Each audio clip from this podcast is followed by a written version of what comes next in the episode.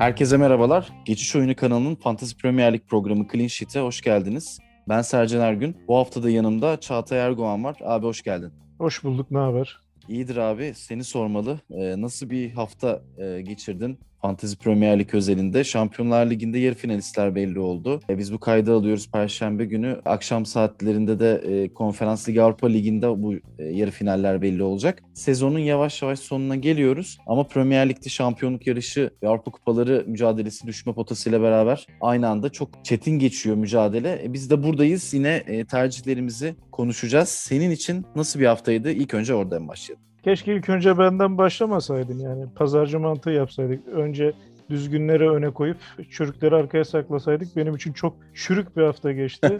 Ortalama 48 ben yarısını anca geçtim. Yani bilmiyorum bu kadar düşük puan daha önce almış mıydım hatırlamıyorum ama şöyle söyleyeyim. Geçen hafta bir Vegors faizleriyle borcunu öder dedik ama Vegors'tan gele gele bir puan geldi. Yani Şandaş hocam bile 60 dakika dayanamadı. En azından 60 dakika oynayınca hani artı bir puan geliyor ya. Onu bile bize çok gördü. Doherty Doherty dedik. Adama da nazarımızı değdirdik. Adamı sakatladık çıkardık. Chelsea'de mesela işte Tuhel rotasyon yapar dedik. Havertz'i kenara oturttuk. Ziyeh'i aldık. Tam tersi yine Havertz golünü attı. O da yedekte kaldı Bizi derken. baya ters köşe yaptı. Biz Ward Pros falan filan diyorduk. Southampton zorluk çıkarır, Chelsea'ye puan mı koparır derken evlerinde 6 tane yediler. Ama Soto'nun bu tarz skorlara çok yatkın olduğunu ya göz önünde bulundursak da çok beklenen bir skor değildi açıkçası. Ben tekrarına baktım. Maç 30'da zaten 4-0 olduydu. 6-0 bitmesine rağmen Forster'ın yaptığı kurtarış sayısı 8. Hafta içi Hakan bahsettiydi ya. Kyle Walker Peters yedekten girdi. Benim eksi 1 puan getirdi diye. Evet Yani evet. 6 tane gol yiyen kaleci 1 puan getirdi.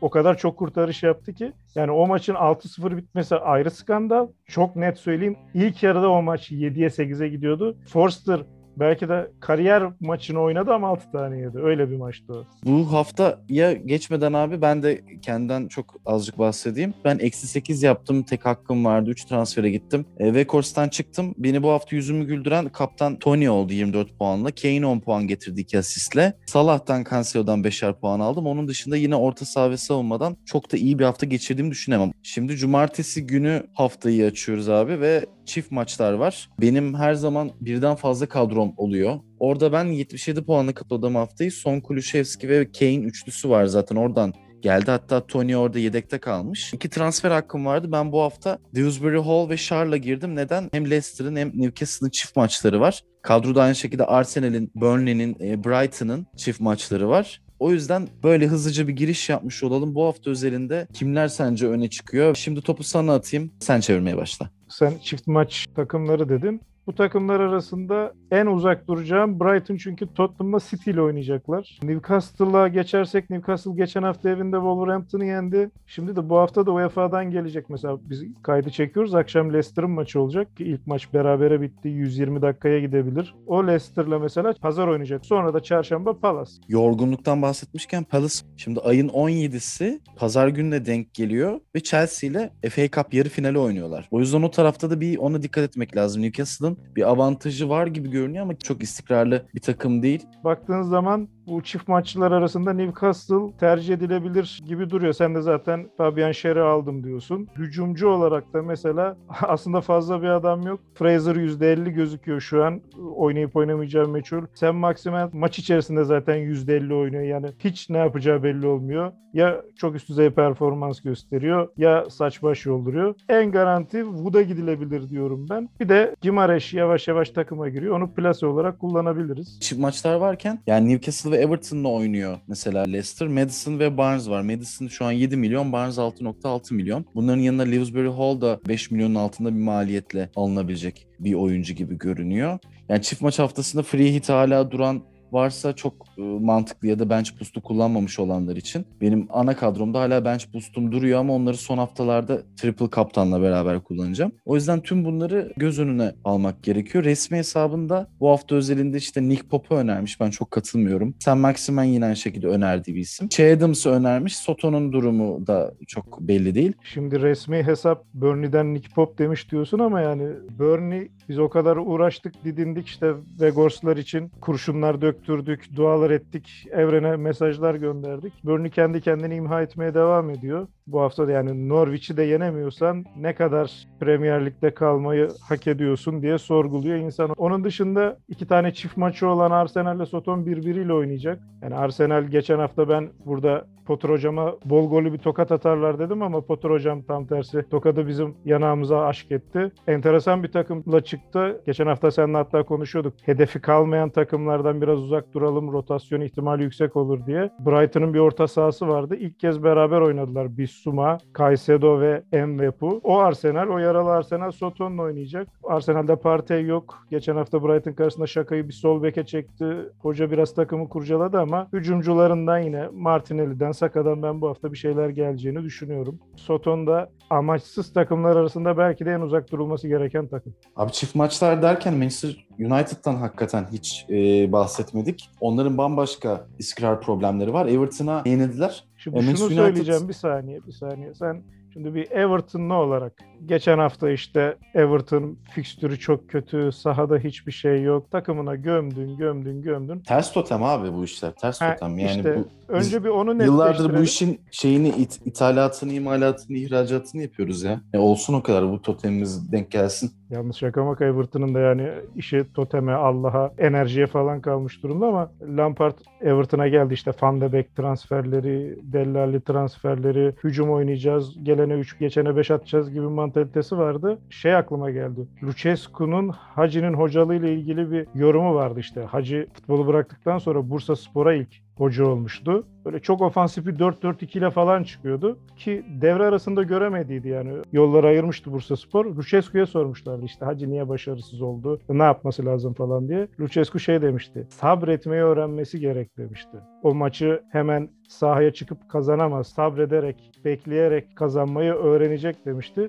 Lampard çok kısa bir sürede öğrenmiş gibi. Chelsea'deki yaptıklarını hatırlıyorsun yani ultra ofansif oynuyordu. E, Everton'a ilk geldi yine çok açık bir takım oynuyordu ama son 3 haftadır orta göbekte Holgate'leri, Delf'leri görmeye başladık. Küme düşme mücadelesi olunca Can Havli ile oynayınca böyle oluyor.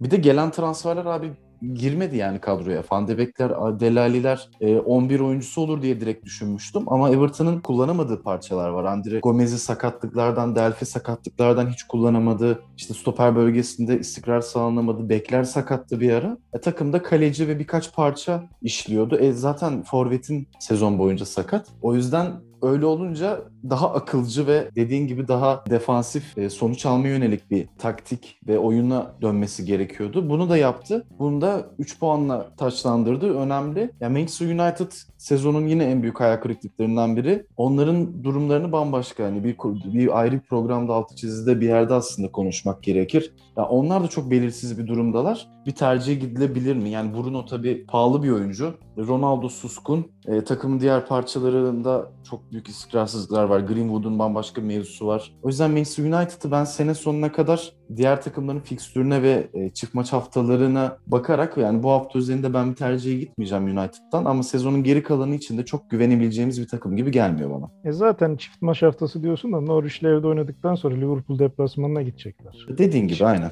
çift maçında yani bir avantaj teşkil edeceği bir fikstürü yok Manchester United'ın. Ben sadece şunu söyleyeyim. Everton'da mesela paralel noktası şu. ikisinde kadro mühendisi açısından çok düzgün olmayan kadroları var. Şimdi geçen hafta McTominay sakatlandı. Orta sahada Fred kaldı. Fred de sakatlanınca Matic ile Pogba ile devam etti. Ryan hocam da enteresan tercihler yapıyor. Daha önceki maçlarda da yaptı. Yani geri düştüğü zaman bütün hücumcuları sahaya boca ediyor. Maçı Mata, Fernandez, Pogba orta sahasıyla bitirdi mesela.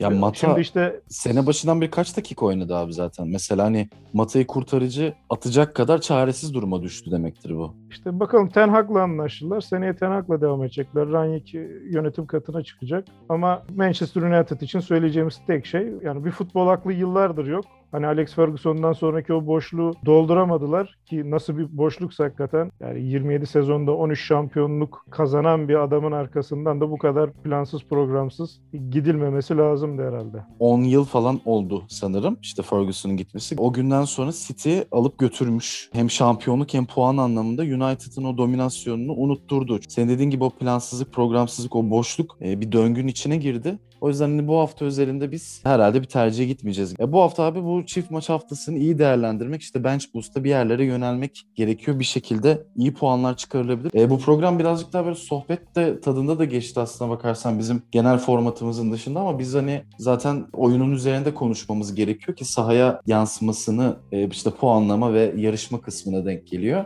O yüzden abi e, ağzına sağlık bu hafta için.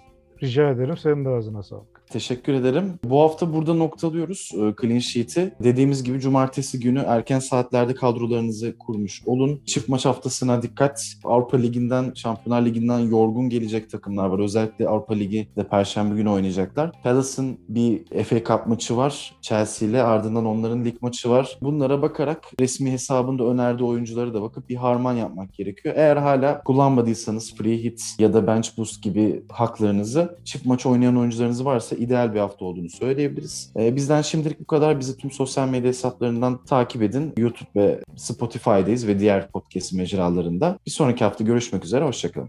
Hoşçakalın.